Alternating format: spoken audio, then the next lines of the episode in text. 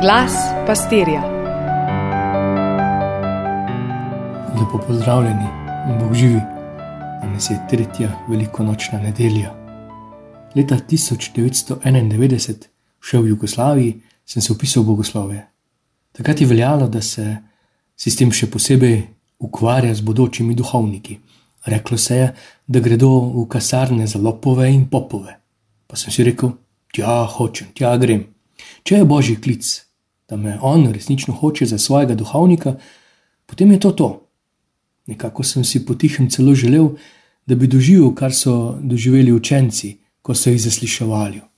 Ali vam nismo zabičali, da ne smete učiti v Jezusovem imenu?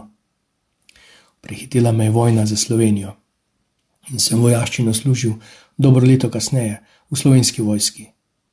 Vmes se je zgodila še za me mnogo večja tragedija. Srečal sem se smrtjo iz oči v oči. Tako se mi je zdelo, v prometni nesreči umrl brat. Nebo se je stemnilo, luči več ni bilo, niti iskanja, čas je tekel, kar ni se končalo. Tisoče zakajev, ki so počasi izgubili ostrino, na to so moč, kasneje še vsebino. Na nagrobni spomenik smo zapisali: Gospod, ti vse veš. Za več je zmanjkalo prostora na spomeniku, še prej pa v srcu.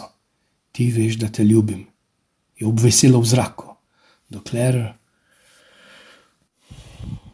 Učenci so se iz velike noči, iz noči luči, novega življenja, pisano z veliko, umeglili nazaj v noč.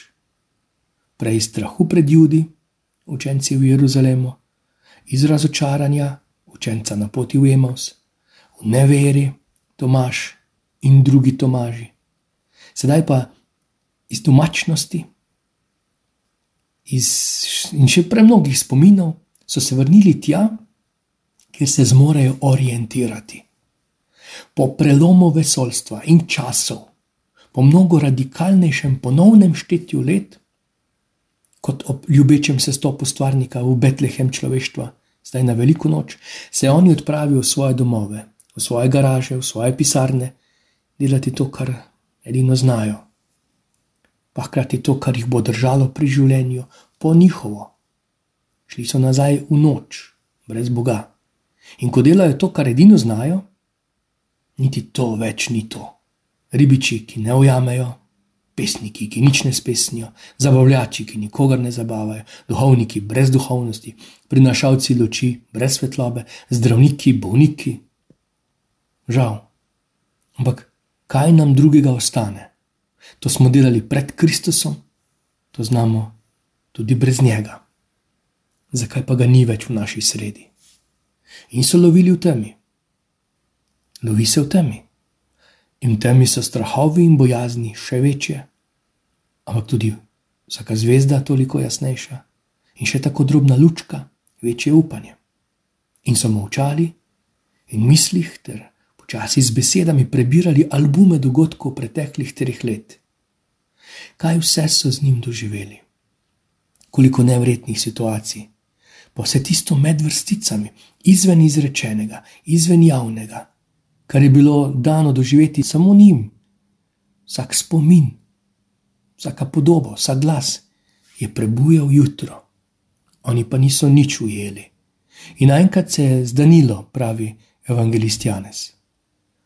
Prazen ulov, lakota, razočaranje so zameglili oči, da bi videli ali po glasu prepoznali tistega, ki maha z obrežja in jih kliče ljubezen pa je prepoznala.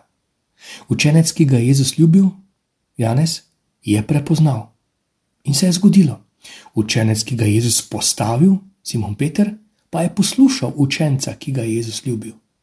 Ta učenec, ki je zatajil, ki je Jezusa odvračal od poslanstva, ki se je celo prepiral z njim, zadremal, ki se je potapljal, pogrezal, je sedaj pohitel, je skočil v postu in sploh skozi vse evangelije doživljamo učence in širše občestvo kot crkv na poti. Malo so se ustalili in še to v strahu, negotovosti, pa jih je predramilo jutro ljubezni. Vprašanje, ki je razžalostilo, je tudi vprašanje, ki je prebudilo. Ali me ljubiš? Ko sedaj stojim na grobu svojega brata, prijatelja, znanca, na slehrnem grobu, po toliko letih vem nekaj. Gospod, ti si ljubezen. Ti ljubiš prvi in ljubiš bolj. In ja, ti vse veš, ti veš, da te imam rad in kako rad bi te ljubil. Kako pa ti odgovarjaš, Gospodu, na ali me ljubiš, ali me ljubiš bolj kot včeraj, bolj kot drugi? Vse dobro.